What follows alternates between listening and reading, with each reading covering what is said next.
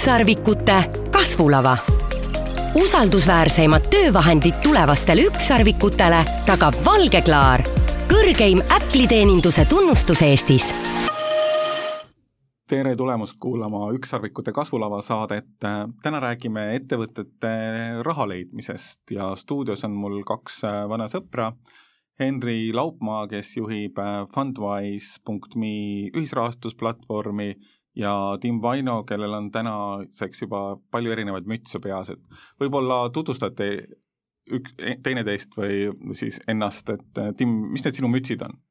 tere kõigile, äh, mina kannan siis kahte mütsi korraga, üks on FFF äh, üks asutajatest, et Kimmar Hiipovaga asutasime koos Ingli investori kogukonna poolteist aastat tagasi nüüd ja lühike ülevaade, kuidas me seda siis teeme, on, meil on kakssada viiskümmend liiget, tähendab rohkem kui kakssada viiskümmend liiget, me otsime investeerimisvõimalusi, teeme nendele analüüsi, kooskõlastame meie liikmetega, et saada rohkem aru, kas on väärt või mitte. Ja kui jõuame sinna, et on väärt ja soovime seda pakkuda kogukonnale, siis käime selle välja. Ja kui kogukonnal on huvi, siis kaasame igalt ühelt natukene raha, paneme ühte potti ja lähme ühe investeeringuga edasi ja teine müts on, äh, just alustasin, aga nüüd töötan ka Change VC või Change Ventures'i fondis äh, investeerimisjuhina või ma ei tea, mis ta siis on eesti keeles, aga põhimõtteliselt töö, minu töö on äh, üsna sama, et ma otsin võimalusi, ma teen analüüsi, presenteerin seda minu kolleegidele ja siis me otsustame koos, kas me tahame sinna raha panna või mitte, et äh, nende kahe asja vahe on see, et ühes kohas on fondi raha, kus meie otsustame teiste raha eest ja FFF-i puhul on siis äh, igaüks otsustab ise, kas ta tahab kaasa tulla või mitte. Henri, kuidas Fundwise'il läheb? mm,? Fundwise'il läheb selline vahelduvalt, ütleme, et see Covidi aeg oli suhteliselt niisugune äh, Ameerika mäed aga põhimõtteliselt äh, jah, mina, mina tegelen põhiliselt siis äh, Fundwise'i läbi firmade rahastamisega, mis on osaliselt on äh, otserahastused ehk siis nii-öelda private funding ja osaliselt on avalik, ehk siis kõik näevad, mis kampaania on üleval ja saavad panustada. ehk siis see on nii-öelda enamjagu väiksemad kui, kui ingli tiketid, ehk siis see võib olla mingi vahemikus paarist sajast viiesajani võib olla miinimumtiket ja ja suuremad siis mingi mõnekümne tuhandesed ühisrahastus, inglid, fond, omamoodi loogiline, loogiline selline arengukaar võib-olla mingisuguse ettevõtte jaoks, samas ühisrahastus tihtilugu startup'ide jaoks ei ole võib-olla teema, et äh, Fundwise platvormil on ka nii, nii, nii startup'e kui ka nii-öelda päris ettevõtteid. Jah, no selles mõttes, et sul ühe nende T-särk on seljas parajasti, et kes on see nii-öelda klassikalisem ettevõte, ehk siis äh, Saaremaalt pärit äh, joogitootja. jah, et selles, selles mõttes, et mul endal on kogemust mm. natukene nii äh, nii ühisrahastus Fundwise'ilt lahendage ka raha kaasamisest kui, kui, kui ise sündikeeritud ingelinveste-, investeeringute kokkupanemisest. aga kui meie kuulajate hulgas on täna, täna inimesi, kes oma esimese startup'i kallal askeldavad ja mõtlevad, et noh, ütleme nii, et enam oma rahakotiga nagu hakkama ei saa, et kust tuleks alustada? ma ütleks kõigepealt, et äh, mõelge kaks korda, kas praegu on piisavalt äh, kuulikindel idee, millega alustada ja minna raha kaasama. aga teen väikse kommentaari siia, et startup on ka päris ettevõte, see on lihtsalt teistmoodi funktsioneeriv ettevõte. aga äh, ma arvan, et äh, igalühel on äh, omad kohad, kust raha leida, et äh, sa tõid siin kolm erinevat rahastusviisi. ma arvan, et olenevalt ettevõttest, olenevalt faasist, olenevalt huvist asutaja poolt, siis on igaühel oma õige koht, kus alustada. ma isiklikult arvan, et noh, niimoodi baasilt rääkides, et kui su toode on keskendunud B2C-le ehk siis üksikinimestele, kellel sa nüüd mitte tarbijale, siis äh, näiteks raha kaasamisplatvormid on äh, väga äge koht, kus äh, alustada, kuna sa saad kohe suure võrgustiku, sa näitad oma toodet ja saad väga ustavaid investoreid endale, kes usuvad konkreetselt sinusse, sinu ideesse ja tavaliselt on see rohkem nii-öelda võib-olla isiklik investeering võrreldes mõne tei-, mõne muu, mõne muuga. Lisaks sellele ingelinvestori kogukonnad, nii FFF, nagu ma mainisin, kui ka Estban, et sealt võib alati raha minna küsima algfaasidel sõbrad-tuttavad äh, ja ka varajased fondid, et ka Change on tegelikult keskendunud selle kolmanda fondiga varajase faasi peale, nii et ka taoliste fondidest äh, võib minna otsima mm. -hmm. aga jah, ma võib-olla defineeriks, et see üks on siis see klassikaline ettevõte, teine on nii-öelda startup ehk siis soovitavalt kiirelt skaleeruv ettevõte, et, et, et meil on jah, klassikaliste ettevõtete osakaal on oluliselt suurem, et võib-olla meil on selline seitsekümmend protsenti klassikalisi ja kolmkümmend protsenti startup'i või varase faasi asju. Startup'id alati ei ole muidugi varase faasi omad aga kui sa täna vaatad, et mis mm. kampaaniad teil täna üleval on avalikult, siis sealhulgas on nii üht kui teist, on ju? jah, jah, ja, ja, ja praegu just on minemas ka üks äh, Blue Shock Race, mis on mingit pidi võib öelda, on nagu reaalmajandusettevõte, on, äh, teeb elektrikarte, aga võib-olla oma kasvukõvera selle poolest on pigem nagu startup'ilik, ta on tehnoloogiaettevõtte ka, eks, et ta teeb, tal on oma akutehnoloogia, tal on omad äh, muud äh, nii-öelda tooted. aga, aga arengukõvera poolest pigem ta, ma ütleks, et ta on rohkem nagu startup et noh, mingis faasis on see piiride tõmbamine hästi keeruline mm., et kui ettevõtted kaasavad, ma ei tea, ingelinvestoritelt raha ja VC fondidelt raha, mõtled, et nagu tegemist oleks nagu startup'iga, siis tuleb välja, et see on nagu, ma ei tea, Sunly ehitab päiksejaamu, mis nagu startup'iks on minu jaoks on nagu väga keeruline klassifitseeruda, isegi kui ta on kiirelt kasvav ettevõte. tänapäeval on üldse, ma arvan, see piir väga õhuke, et eh, ütleme nii, et eh, noh, võtame Wise'i, Wise alustas eh, startup'ina, praegu ikka öeldakse, et startup Wise, no ja, ma ei tea, kui mhm. startup ta enam on. ta on endiselt Eesti startup'ide andmebaasis ja mõjutab kõiki numbreid läbi mm. kogu selle andmebaasi. aga ei tähenda, et ta siiamaani see startup, startup võib-olla oleks scale-up või midagi muud. nojah, näiteks eks, või noh, või noh, päris ettevõte minu meelest. Mm. no nemad on juba nii suured, et ma ei tea täpselt, aga üle nelja-viie tuhande inimese töötab seal, et see on juba ikkagi suur-suur ettevõte. noh, kui ta on börsil noteeritud, siis võib-olla jah, klassifitseerub pigem nii-öelda harilike ettevõtete sekka. võiks jah, kustutada andmebaasidest mm.. aga Tim, sa ütlesid, et äh, tasuks järgi mõelda, et kui sul kuulikindel idee ei ole. kuidas investorina vaadata, et millised ideed on kuulikindlad? No mina olen siiamaani rohkem teinud äh, varajast või varasemat faasi ja minu nii-öelda kindel reegel on see, et äh, antud faasis on väga palju eksimisruumi asutajatel äh, ja ma arvan, et põhiline ei ole see, kui kuulikindel on sinu idee, vaid kui kuulikindel oled sina kui asutaja, sest ma arvan, et see rõhk peaks olema kõigepealt persoonile varajases faasis investeerides alati tuleb arvestada, et üks või teine kord võib asutaja muuta natukene kurssi, ehk siis pivot ida oma startup'i, mis on täiesti normaalne et põhiline, et on uh-, usku inimesse. Ja minu kuldreegel on, äh, kui inimene oskab mulle seletada oma loogikat, oma mõttemaailma, kuidas ta ütleb mulle mingisuguse numbri ja mis on selle numbri taga, kuidas ta jõudis, et see on väga hea märk ja väga oluline minu puhul vähemalt, et äh, kuidagi leida see usk ja hakata ähm, võib-olla natukene lihtsama pilguga vaat-, vaatama seda inimest. aga muidu kui su idee lahendab kindlat probleemi, siis ma arvan, et sul on potentsiaali teha äri sellega mm. -hmm. aga kui pikk see protsess näiteks sinu poolt on, et kui, kui sa vaatad mingit uut ettevõtet, kes sulle sisse tuleb või kellega sa esimest korda kokku puutud? oleneb, aga noh, niimoodi jälle kõrgelt rääkides, et eh, ma vaatan sinna pitch deck'ile otsa, kui pitch deck kõnetab, siis ma tavaliselt võtan ühendust selle asutajaga. Asutajaga tuleb kõne, kus ma kogun äh, baasinformatsiooni ettevõtte ja tema kohta, meeskonna kohta, turu kohta, äh, sealt edasi ma lähen siis, kui me räägime FFF-ist, siis ma lähen liikmete juurde tavaliselt ja küsin neilt arvamust, sest et noh, ma ei ole iga ala ekspert, nii et FFF-i kogukond aitab väga palju kiirelt jõuda sinna infoni, kas see on väärt või see ei ole väärt investeering või isegi kaalumine pigem kui investeering veel ja kui me räägime fondist, siis samamoodi, et fondil on partnerid, meeskond ja suur võrgustik, kellega ma seda läbi klopin, vaatan, mis probleemid tulevad sealt välja või mis riskid sellega kaasnevad, et mida eksperdid mulle esile toovad. ja sealt edasi me siis alustame nii-öelda konkreetsemat protsessi aja mõttes täiesti oleneb, et kõige kiirem investeering, mis me oleme ära teinud, on kolm nädalat ja kõige aeglasem investeering, mida mina olen teinud või kaasatud olnud, on peaaegu kaks pool kuud mm. -hmm. aga on ka pikemaid muidugi, ma olen kuulnud, et ka pool aastat kaasatakse ja, aga noh, see on juba niisugune väga-väga ekstreem mm.. Nende kuulajate jaoks, kes ei ole väga sügaval startup maailmas, mis asi on pitch deck ja kuidas seda tehakse? Pitch deck on siis äh, oma firma presentatsioon või esitus äh,, kuhu sa koondad äh, hädavajalikud faktid, et püüda investorite tähelepanu ja avada talle äh, läbi selle slaidi kogumi millega sa tegeled, miks sa sellega tegeled, kuidas sa sellega tegeled ja mis on investori potentsiaal, kui ta tahaks sind toetada sellel rännakul mm.?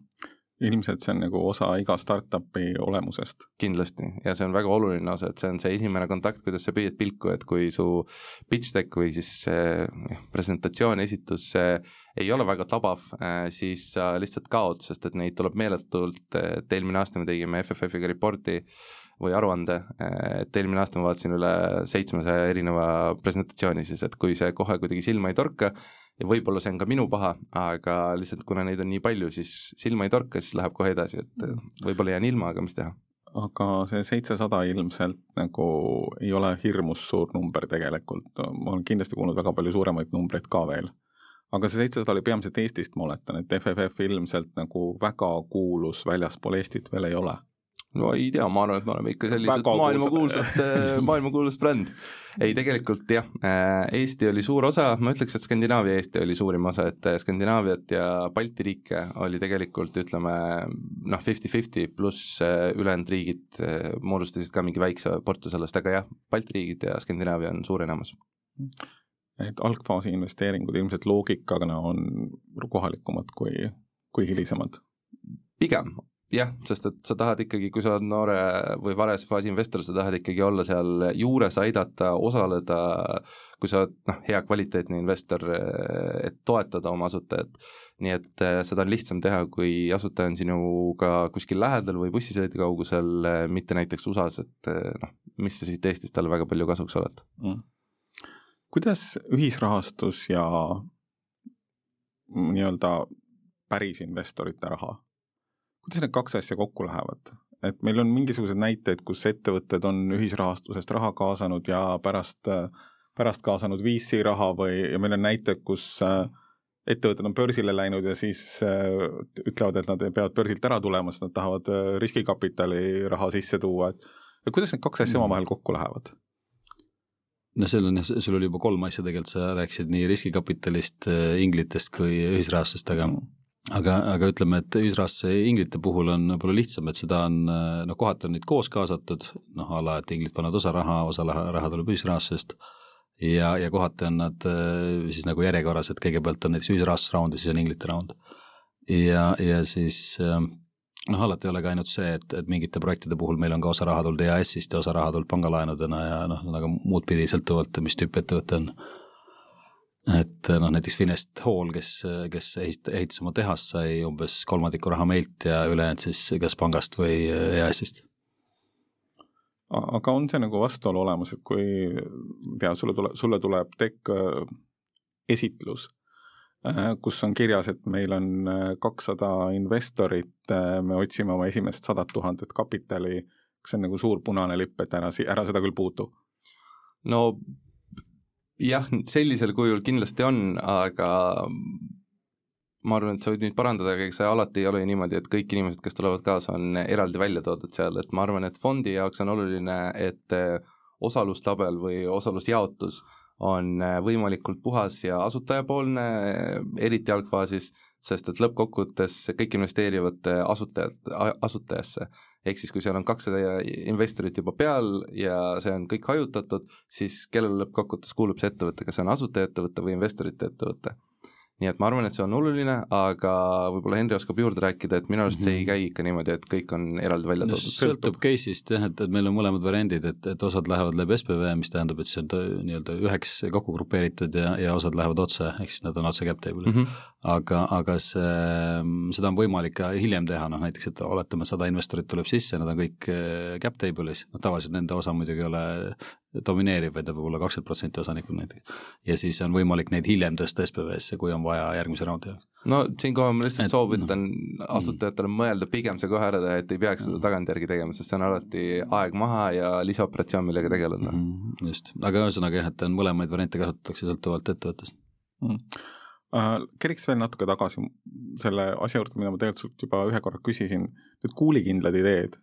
Um, mille, mille järgi ideesid hinnata või kui nüüd inimene läheb suvepuhkusele, on töötanud, ma ei tea, suurettevõttes Eesti Energias või Wise'is või mõnes muus sellises, mõtleb, kuule, tahaks välja mõelda midagi, millega nagu, mida hakata ise ehitama, siis kuhu teie vaataksite täna? Hea küsimus, see sõltub väga palju sellest inimesest, kes seda teeb, ehk siis mis tema huvid või äh, oskused või mis iganes valdkonnad on, mida ta teab et, et see sõltub ikkagi suuresti sellest. ja mina unistan, et ma mingi hetk ise hakkan vaatama kuskile spordi poole, sest mul on selle vastu suur kirg, aga ma olen täiesti nõus, et see täiesti oleneb asutajast ja peaasi, et ta ise teab, mis ta teeb, usub ja tal on õige motivatsioon. Mm.. sa räägid, tegelikult räägid täpselt samast asjast, on ju, et põhimõtteliselt kirg, oskused, taustaruum, mis asutajal olemas on, et tee seda, mis sulle meeldib. Jah, noh, seal peab olema ka kindlasti mida sa oskad. Äripool peab kindlasti kaasas olema, aga tänapäeva startup'i võlu ongi see, et investorid pigem otsivad asutajad, kellel on ka kaasasutaja, et eh, hajutada riske ja tavaliselt see töötab eh, kombona, et üks on eh, pigem ideeliider või äripool ja teine on rohkem tehniline inimene. et kaks sellist inimest leiavad teineteist, usuvad konkreetsesse ideesse või probleemi lahendusse ja minu arust see on väga hea algus potentsiaalselt ägedale kombole. Mm.. sa, saavad lapse ettevõtte, on ju hakkavad selle, hakkavad selle eest koos hoolitsema selline ilus, kaunis mõnus. tekib pere. tekib pere ja varsti on neid hästi-hästi palju. et jätkata mm -hmm. seda analoogiat. aga okei okay,, aga kui me nüüd lähme jälle mõtetega suvesse, inimesed äh, asutavad ettevõtteid, kaasavad raha, Henri enne mainis, et teil on päris mitu projekti üleval, et kas nagu ühisrahastusest raha kaasamine suvel kakskümmend, kakskümmend kolm on, on üldse nagu reaalne või mõistlik? no ma arvan, see sõltub väga palju ikkagi projektist, et selles mõttes, et kui atraktiivne või huvitav see projekt on, et, et ma arvan, üldiselt seda öelda ei saa.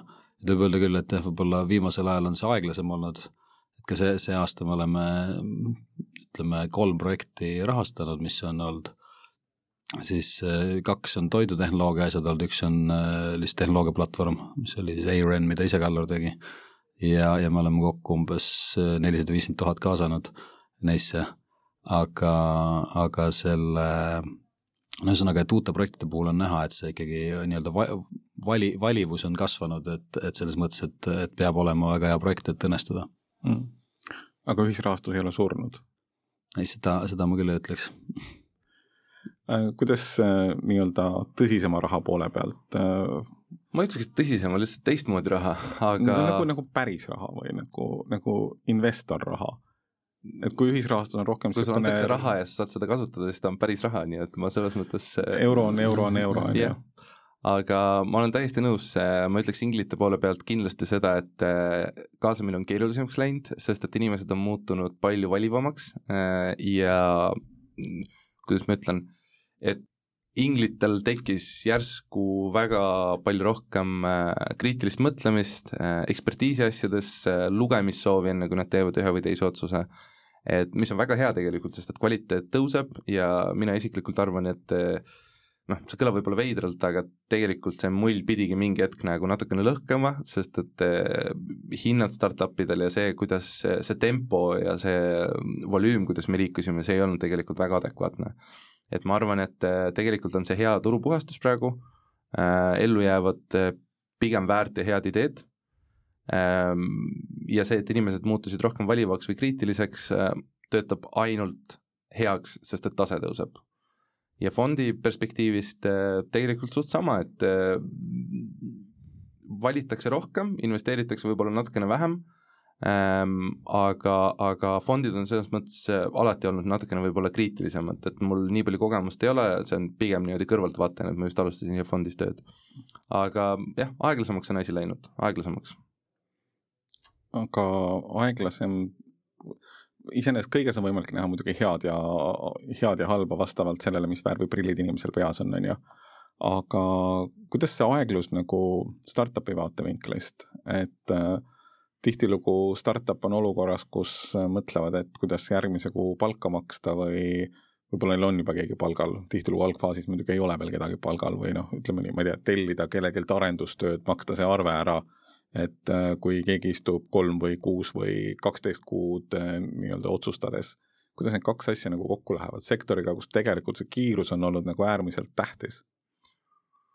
no startup'i tegelikult üks nii-öelda põhimõtteid või startup'i loomise või arendamise üks põhimõtteid on alati läbi ajaloo olnud see, et eh, katseta kiiresti ja põru kiiresti, et mida kiiremini selle tsükli ära teed, seda kiiremini sa jõuab, jõuad arusaamiseni, et okei okay,, mu idee ei tööta ja sul on valik, kas sa noh, lähed kuskile teisse kohta ja alustad töökohaga või siis sa võtad uue idee ja hakkad seda arendama et eh, ma arvan, et inimesed peaksid lihtsalt või asutajad peaksid lihtsalt eh, omalt poolt ka panema teise käigu sisse ja natukene kiiremini seda kõike push ima, et eh, kõik asutajad, kes kuulavad, et mu lugesin selle raamatust küll välja, aga mulle jäi see mõte väga meeldima, et raudselt on olemas laisem inimene sinust, kes ei viitsi nii palju vaeva näha. Ja see on see koht, kus sina peaksid rohkem push ima ja rohkem kiiremini liikuma äh, rohkem tööd tegema selle kallal, ajad on keerulised, ei tähenda seda, et sa ei saa oma raha kokku, see tähendab seda, et raha saamiseks kulub kõvasti rohkem energiat, jõudu ja õiget töösuhtumist.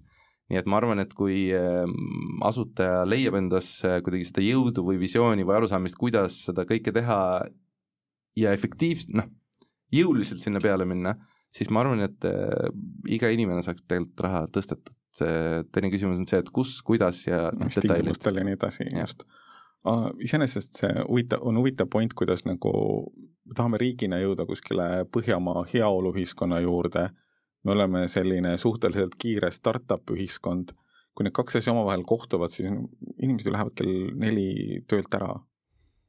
noh, ma arvan, see sõltub väga inimesest ja töökohast, et, et, et kus ta töötab, et kas ta töötab Äripäevas või ta töötab mõnes tehnoloogiaettevõttes kohtusin Latitude'il ühe Norras tööd tegeva ma arvan, et Valgevenest pärit startup'iga, kes rääkis, et äh, nad on seal mingisuguses kiirendis, nad lõpetavad iga päev kell kolm, norrakad lõpetavad ka kell kolm, aga et nemad lõpetavad kolm AM, norrakad lõpetavad tööpäeva kolm PM, et neil on iga päevaga nad teevad kaks korda rohkem kui kohalik ettevõte.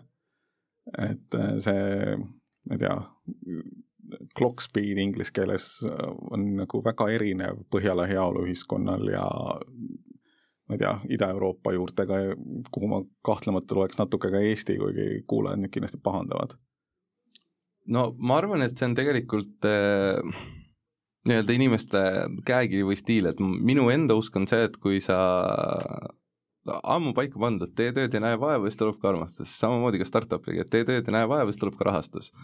et äh, mina ei ole väga palju selliseid äh, olukordi pealt näinud, kus inimesed alustavad kell üheksa hommikul ja lõpetavad kell kolm päeval ja neil on väga edukas ettevõte, eriti nullfaasist.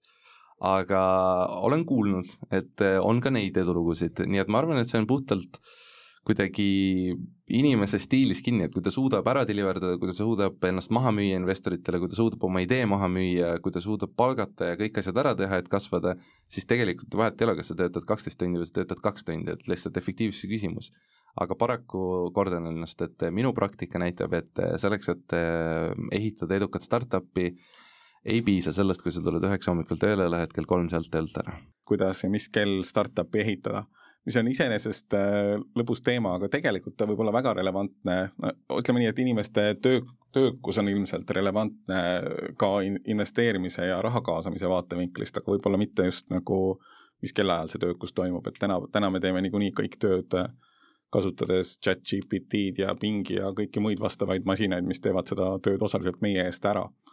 Et loomulik, loomulikult meie FoundMe'd lugedes võite ka arvata, mis on Tarmo kirjutatud ja mis ei ole Tarmo kirjutatud, on ju, et noh, tänapäeva reaalsus. aga lähme räägi-, räägime konkreetsetest projektidest, Henri, sul on täna üleval neli, viis, kuus projekti, rääkisid natukene Läti Läti kaardi mm, see on, see on alles launch imas, ma ei tea küll, mis hetkel täpselt saade eetrisse läheb, võib-olla selleks hetkeks ta on juba laivis, aga et jah, see on võib-olla üks kõige mm, meie suuremaid kasvulugusid selles mõttes, et meie esimene investeering oli nende väga varases faasis ja siis nad olid, olid suhteliselt uued ja, ja väikse käibega, aga nüüd nende viimase aasta käive oli kaks koma kuus miljonit ja ja nad toodavad juba päris suures mahus. Nii et, et ma usun, et, et neist saab väga hea asi ja, ja no ühesõnaga nende uus rahastusraund tuleb siis laivi nüüd, et meie esimese raundi ja selle vahel on nad veel äh, privaatselt miljoni kaasanud. et aga, aga lisaks sellele on meil äh, neli muud asja laivis või, või õigemini kolm laivis ja üks tulemas laivi, mis on siis kaks on tehnoloogiaplatvormid äh, üks on ID-Süs, kes tegeleb ladude automatiseerimisega ja, ja ühesõnaga nende RFID ja, ja mingite masinnägemis, lugemise ja selliste asjadega. teine on Canvas ai, kes teeb kunstiplatvormi ja siis on üks tootefirma, mis on Kupler, kes teeb kes teeb selliseid mini-caravan van'e. ja, ja üks, mis laivi läheb veel, on Seene Farm, kes siis kasutab seeni, see on ka selles mõttes klassikaline ettevõte, aga, aga kasvab kiiresti nagu seened ka toit, toiduteemad töötavad sellel aastal? jah, seda on päris palju olnud, meil on kolm, Tormi, kes tegi äh, siis alternatiivliha või ütleme sellist Beyond Meat tüüpi mm -hmm. burgereid ja siis äh, äh, Rohefarm oli meil eelmise aasta lõpus, kes tegi vertikaalseid farme ja siis üks sel aastal oli veel Smighty Foods, kes tegi siis mükocellumist ehk siis seeneliidistikust tegi selliseid ütleme, kana- ja kalalaadseid tooteid seened ja investorid on niisugune mm. seotud teema, ma saan aru. Vaatan sulle otsa. tundub, et toit on sel aastal suhteliselt kuum teema, jah mm.. mina olen ka tähele pannud. ja, ja toit, toidutehnoloogiast räägitakse päris palju, ilmselt osaliselt loogikaga, et kuna tulu, tulud on all, siis osaliselt vaadatakse otsa asjadele, mis, mida inimesed niikuinii vajavad. ja, ja trendid, mis niikuinii toimuvad, hoolimata sellest, kas ma ei tea, börsid on täna selles hinnas või tolles hinnas, on ju jah, no see on selge, et meil on nagu probleem sellega, et kuidas, kui saab olema kümme miljardit inimest, kuidas neid kõiki ära toita ja kuidas võimalikult väikse keskkonnajalajäljega teha, nii et see on igal juhul kasvav, kasvav teema. ja kuulajatele soovin siinkohas guugeldada veits, väga huvitavaid lahendusi on turul ja ka Eestis ja ka Balti riikides, et lihtsalt ennast kurssi viia, mida tänapäeval kõike toiduga tehakse ja kuidas seda kõike arendatakse, nii et see on, ma arvan, päris väga, päris väga, see on väga huvitav valdkond see on, on tõesti. Ja, ja teine asi muidugi see, et et ühisrahastusplatvormil vähemalt vanasti töötasid asjad, mida inimesed said katsuda ja mida nad said poes osta, et noh, kupleri mm. järelkärud iseenesest, käisin teie esitluspäeval või esitlusõhtul Latitude'i ajal, tundsin väga puudust sellest, et kupler ei olnud oma käruga kohale tulnud või või te, teised ettevõtted ei olnud füüsiline, kaardimees ei olnud Lätist oma karti kaasa võtnud näitas küll videolt, kui kiiresti kaardid sõivad, sõidavad, aga kui ta kaardi oleks saali tulnud, siis kindlasti oleks leidnud sealt mõni investor, kes oleks seda saanud päriselt nii-öelda, päriselt sinna alla raha panna mm. -hmm jah, see on kahtlemata üks tüüp äh, asju on muidugi sellised käegakatsutavad ja, ja nii-öelda customer facing, kuidas see, see on kliendile orienteeritud tooted mm., aga teine on loomulikult tehnoloogilised asjad, mis on mingit muud pidi huvitavad mm.. nii et, et see ei ole, see ei ole nagu äh, kuidas öelda, ainureegel, et, et sa saad äh, ainult seda tüüpi asju rahastada, vaid ikkagi ka B2B asju on täiesti edukalt rahastatud. Hmm.. kuidas nagu ühisrahastus, äh, ühisrahastussektoril üldisemalt läheb, et Funderbeam pivotis ennast ühisrahastusest natukene eemale Eestis... no mitte natuke eemale, vaid täiesti kadus ära põhimõtteliselt, et, et mis, mis on muutunud jah, meie jaoks võib-olla seda, et, et rohkem firmasid tuleb meie ukse taha, kuna kuna see on ainuke uks äh, siis äh, siin Eestis, Lätis, Leedus, kuhu, kuhu taha tulla equity küsimusega mm.. aga ma ei tea, seadusandlus muutub, kuidas see teid äh, mõjutab? noh, see mõjutab kogu Euroopa turgu, et selles mõttes, et see seadusandlus on juba muutunud, aga praegu on see nii-öelda üleminekuaeg, kus kõik platvormid, kes siis laenu või osalusega tegelevad, peavad ennast litsenseerima, meie sealhulgas. kaugel te sellega olete? selle protsessi keskel nii et me tahame selle aasta jooksul selle ära lõpetada. et, et siis ühesõnaga jah, see vahe on selles, et kui, kui praegu uus platvorm turule tuleks, ta peaks kohe ennast litsenseerima, enne kui ta laivi läheb ja kui need, kes juba töötavad, saavad tegutseda, kuni, kuni nad on ennast ära litsenseerinud siis selle aasta lõpuks. kes teil täna konkurent on, kui Funderbeam ei ole? noh, põhimõtteliselt on teiste riikide platvormid, mis on siis rahvusvahelisemalt kasutatavad, ütleme Eestis on kasutatud näiteks äh, ja Crowdcube ja Seedresit näiteks UK-st. siis mõni case oli ka Investoris äh, Soomes ja mõtlengi lähe, lähimaadest siis praegu ühtegi teist meelde ei tule, keda mm., keda nagu nähtavalt kasutatud oleks. Funded by me vist osteti ära või? jah, Funded by me ühines mingi teise asjaga ja üldiselt Rootsis on see ühisrahastus suhteliselt väike, sest seal on hästi palju seda alternatiivturgu, no ütleme nagu meil on Astaki First North, et seal enamus äh, seda tüüpi ettevõtteid läheb otse sinna, mitte ühisrahastusse kuidas äh, FFF, kas FFF on Estbani konkurent või? ma ei, ma ei ütleks, selles mõttes, et äh, me oleme viimasel ajal üsna palju suhelnud ja, diile vahetanud, nii et ma arvan, et tõesti on äh, või üldse Balti riigid on äh, liiga väiksed, et tekitada mingit konkurentsi, et me proovime ikka koos teistega asju teha, et rahast ei ole kunagi palju, nii et kui me leiame mingi diili ja saame koos Espani liikmetega midagi koos kokku panna, siis meie poolt on see väga okei okay ja oleme ka seda pakkunud. kas teie liikmetest suur osa on ka Estbani liikmed? meil on äh, mingi kattuvus küll, aga ma ei ütleks, et äh, kindlasti alla poole liikmetest on ka Estbani liikmed. me oleme võtnud kõiki, kes vastavad nagu kriteeriumitele ja oleme siiamaani avatud, et kellelgi on huvi tulla liikmeks, siis äh, tulge räägime ja vaatame, kas saab mm.. mis see kriteerium on? Me enamasti tahame enda, enda sekka inimesi, kellel on tehniline taust kes mõistab äh, startup'i, kes ei ole võib-olla mm, alternatiivtaustaga, äh, et äh, väga palju inimesi, kellega me oleme rääkinud, aga kes noh, kellega ei ole lihtsalt klappi, et ütleme, et sul on a la mingi ehitusettevõte olnud, sa oled selle maha müünud ja nüüd sa tuled startup'i investeerima, ilma et sa mõistad, kuidas töötab tech-valdkond või noh, riskikapitali maailm üldse et ma arvan, et see on põhiline, et sul oleks õige taust ja arusaamine, mida sa teed, sest et kui sa täpselt ei saa aru, siis äh, kuna me investeerime natukene hilisemasse faasi ka võrreldes mõne teise ingele äh, kogukonnaga, siis äh, noh, väga raske on lisada väärtust ettevõttele ja põhiasi, millele me toetume, kui me teeme FFF-i, on lisada väärtust ettevõttele, nii et see on oluline, et kõik liikmed, kes meil on, on õige taustaga, õige skill set'iga ja saavad kohe lisada väärtust igasse startup'i, kuhu me investeerime. alternatiivse taustaga, mida see tähendab?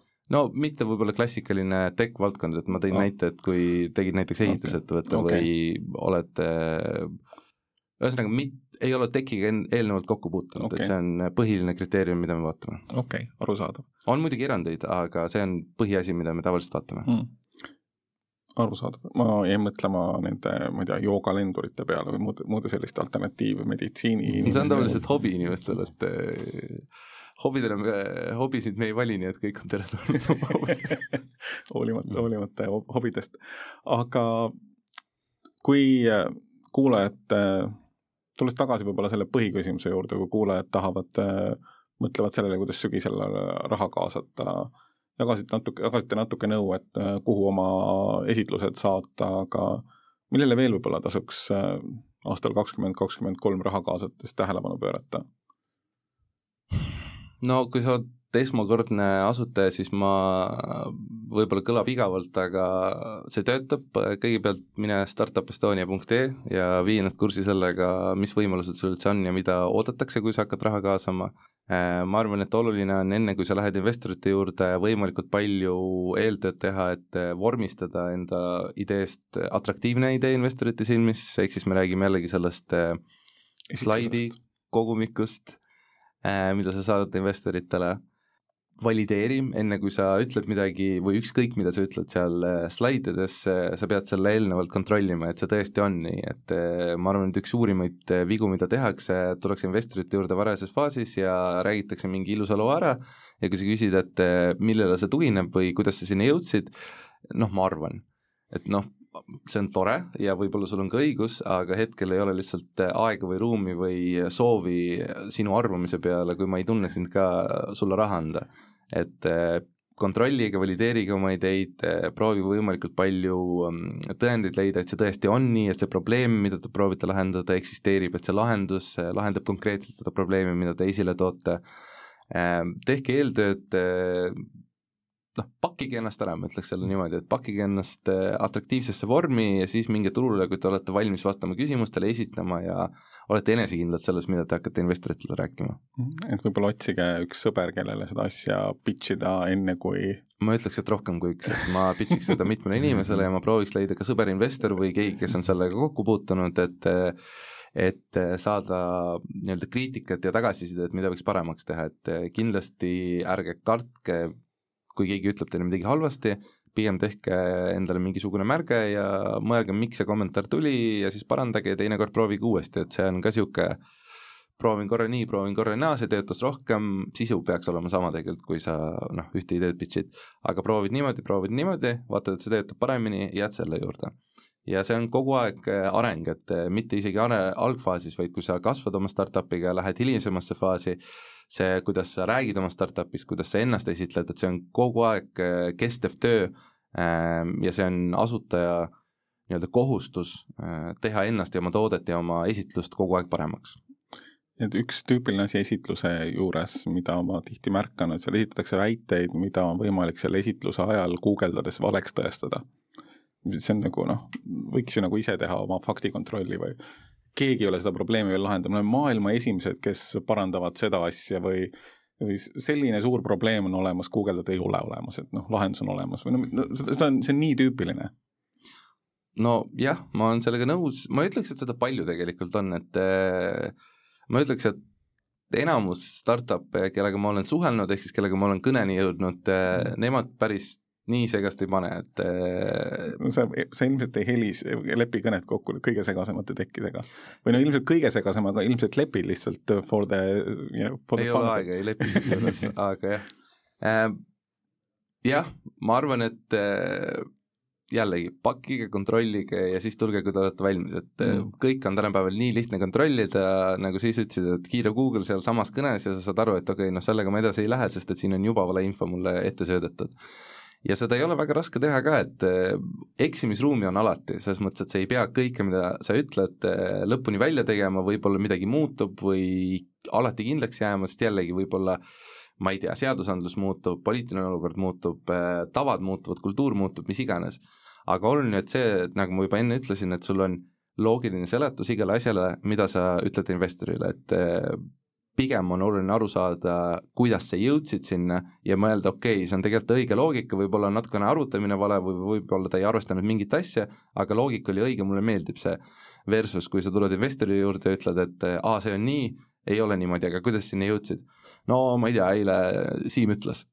noh, tore, et Siim ütles, aga lõpetame siin kõne. just. Henri, sinu juurde tulevad ilmselt palju varasema faasi asjad ka mm,? igasugused selles mõttes, et, et ma mõtlen, et põhiliselt tulevad ikkagi sellised klassikaliste juba toimivate äridega ettevõtted.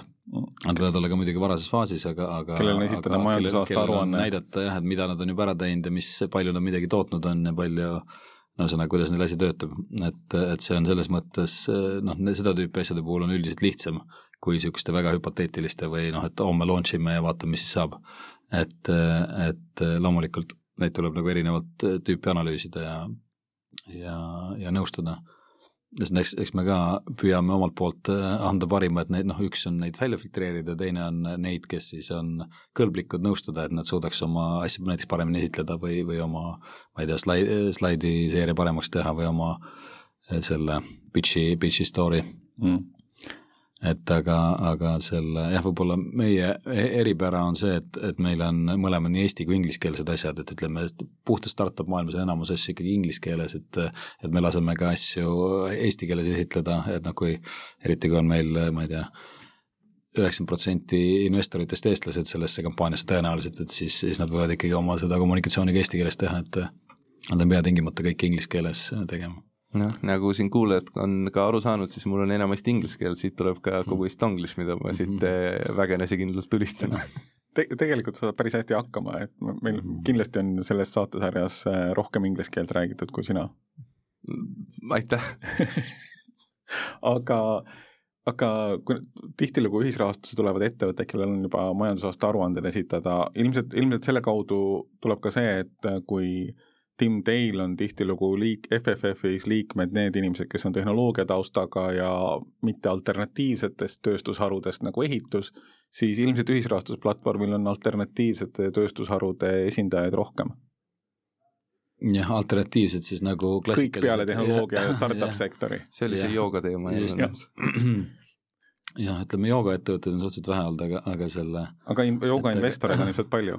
jah, seda, seda võib-olla küll ma ei ole, ei ole kontrollinud äh, huvialade järgi neid.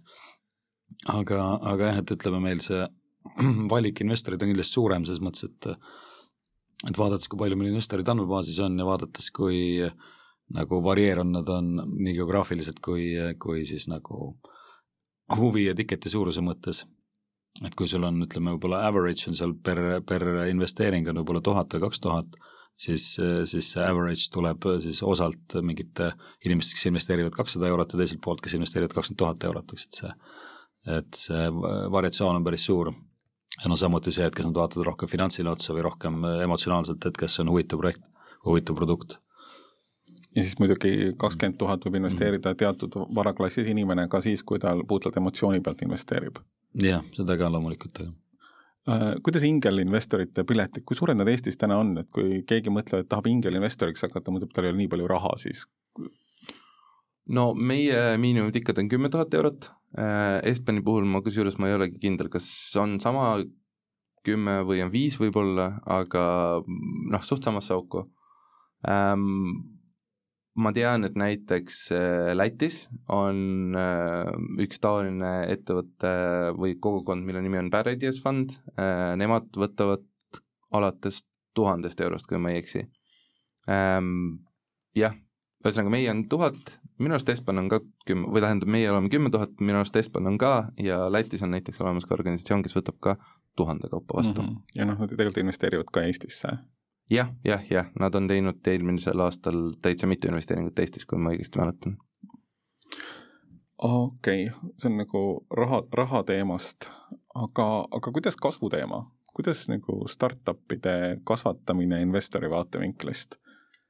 kui, kui, kui palju te jälgite investor, nii-öelda te, teie platvormina, Henri ja Tim, teie nii-öelda investorina, et kui palju te, ma ei tea, Tim, sa rääkisid natukene sellest, kuidas te aitate nii-öelda FFF-i poolt vaadates, teie nii-öelda üks lähtekoht on see, et te suudaksite aidata neil kasvada.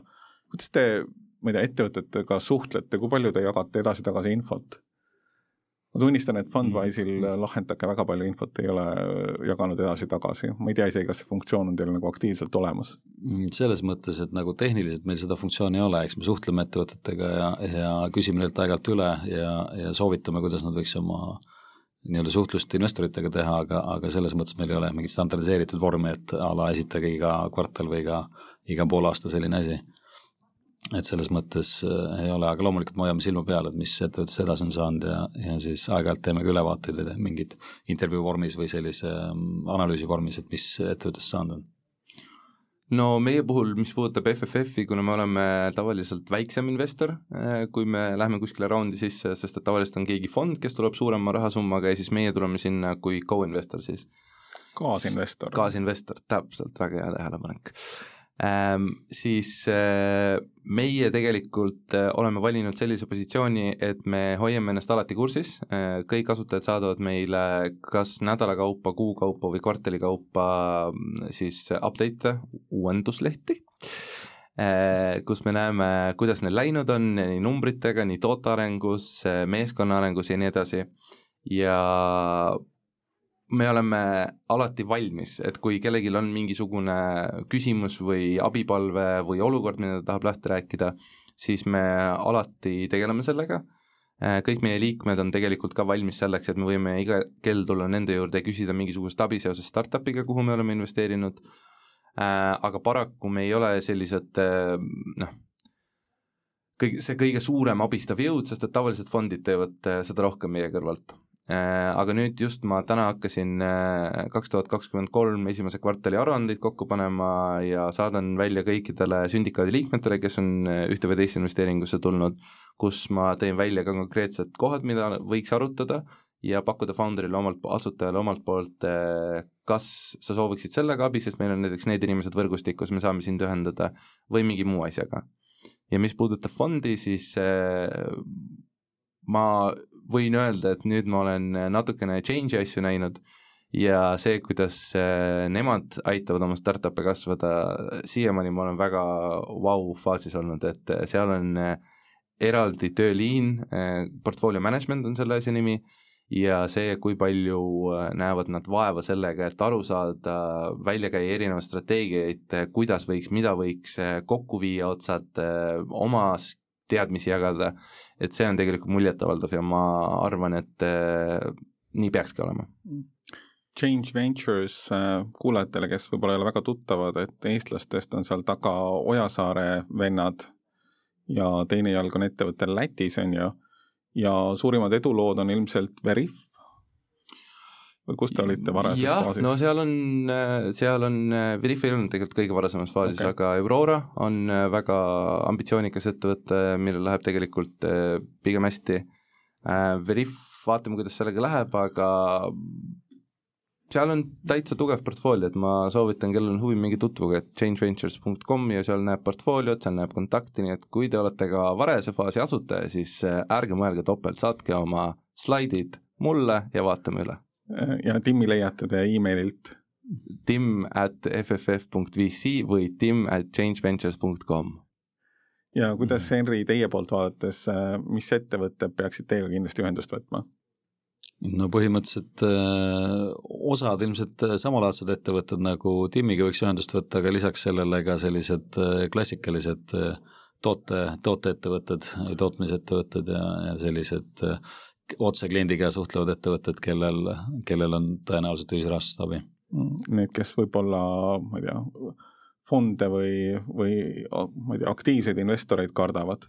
on seda kohanud Eestis, et Eestis on ettevõtjad, kes muretsevad, et nad ei taha investorilt raha võtta, et kui tal on mingeid arvamusi ja ta hakkab mulle rääkima, mida, mida ma pean tegema see, ma arvan, see noh, ütleme seda ma ei saa garanteerida, et kui aktiivsed investorid parajasti on, et eks see sõltub konkreetsetest inimestest, kes sinna investeerivad aga, aga selle jah, et ühesõnaga, kui nad on valmis võtma vastu suuremat kogust investoreid kui, kui üks või kümme, et siis, siis nad võivad meie poole pöörduda. ja ma omalt poolt ütlen, et kui te olete kohe-kohe asutajaks muutumas, minemas ja teid häirib, et investorid ar avaldavad arvamust, siis eh, julgen öelda, et see võib-olla ei ole teie jaoks kõige parem valik, sest et investorid avaldavad arvamust üsna palju ja sellega tuleb alati arvestada ja see mõjutab ka ettevõtteid, nii et see on üsna ähm, oluline töötada sümbioosis, koostöös ja usaldada oma investorite meeskonda siis. Mhm. ja asutaja poolt vaadates, et sellega tuleb arvestada, nad avaldavad arvamust, aga kõike ei pea täitma sõna-sõnalt ei, alati on dialoog, head investorid kunagi ei suru midagi peale, et see on alati dialoog ja nad proovivad jõuda parimale lahendusele, et startup või eduettevõte siis kasvaks või areneks veel kiiremini või veel paremini või murevabalt mm,. no murevabat iduettevõtet ma veel ei ole kohanud, aga järsku neid on? jah, võib-olla panin natukene liiga siin liialdasime siia natukene lõpuks tänan äh, kuulamast, kuulasite Ükssarvikute kasvulavast saadet, äh, stuudios olid Henri Laupmaa ühisrahastusplatvormilt Fundwise ja Tim Vaino FFF VC-st ja Change Venture'ist. saatejuhiks olin mina, Tarmo Virki, FoundMe toimetaja. aitäh teile! aitäh! tänud!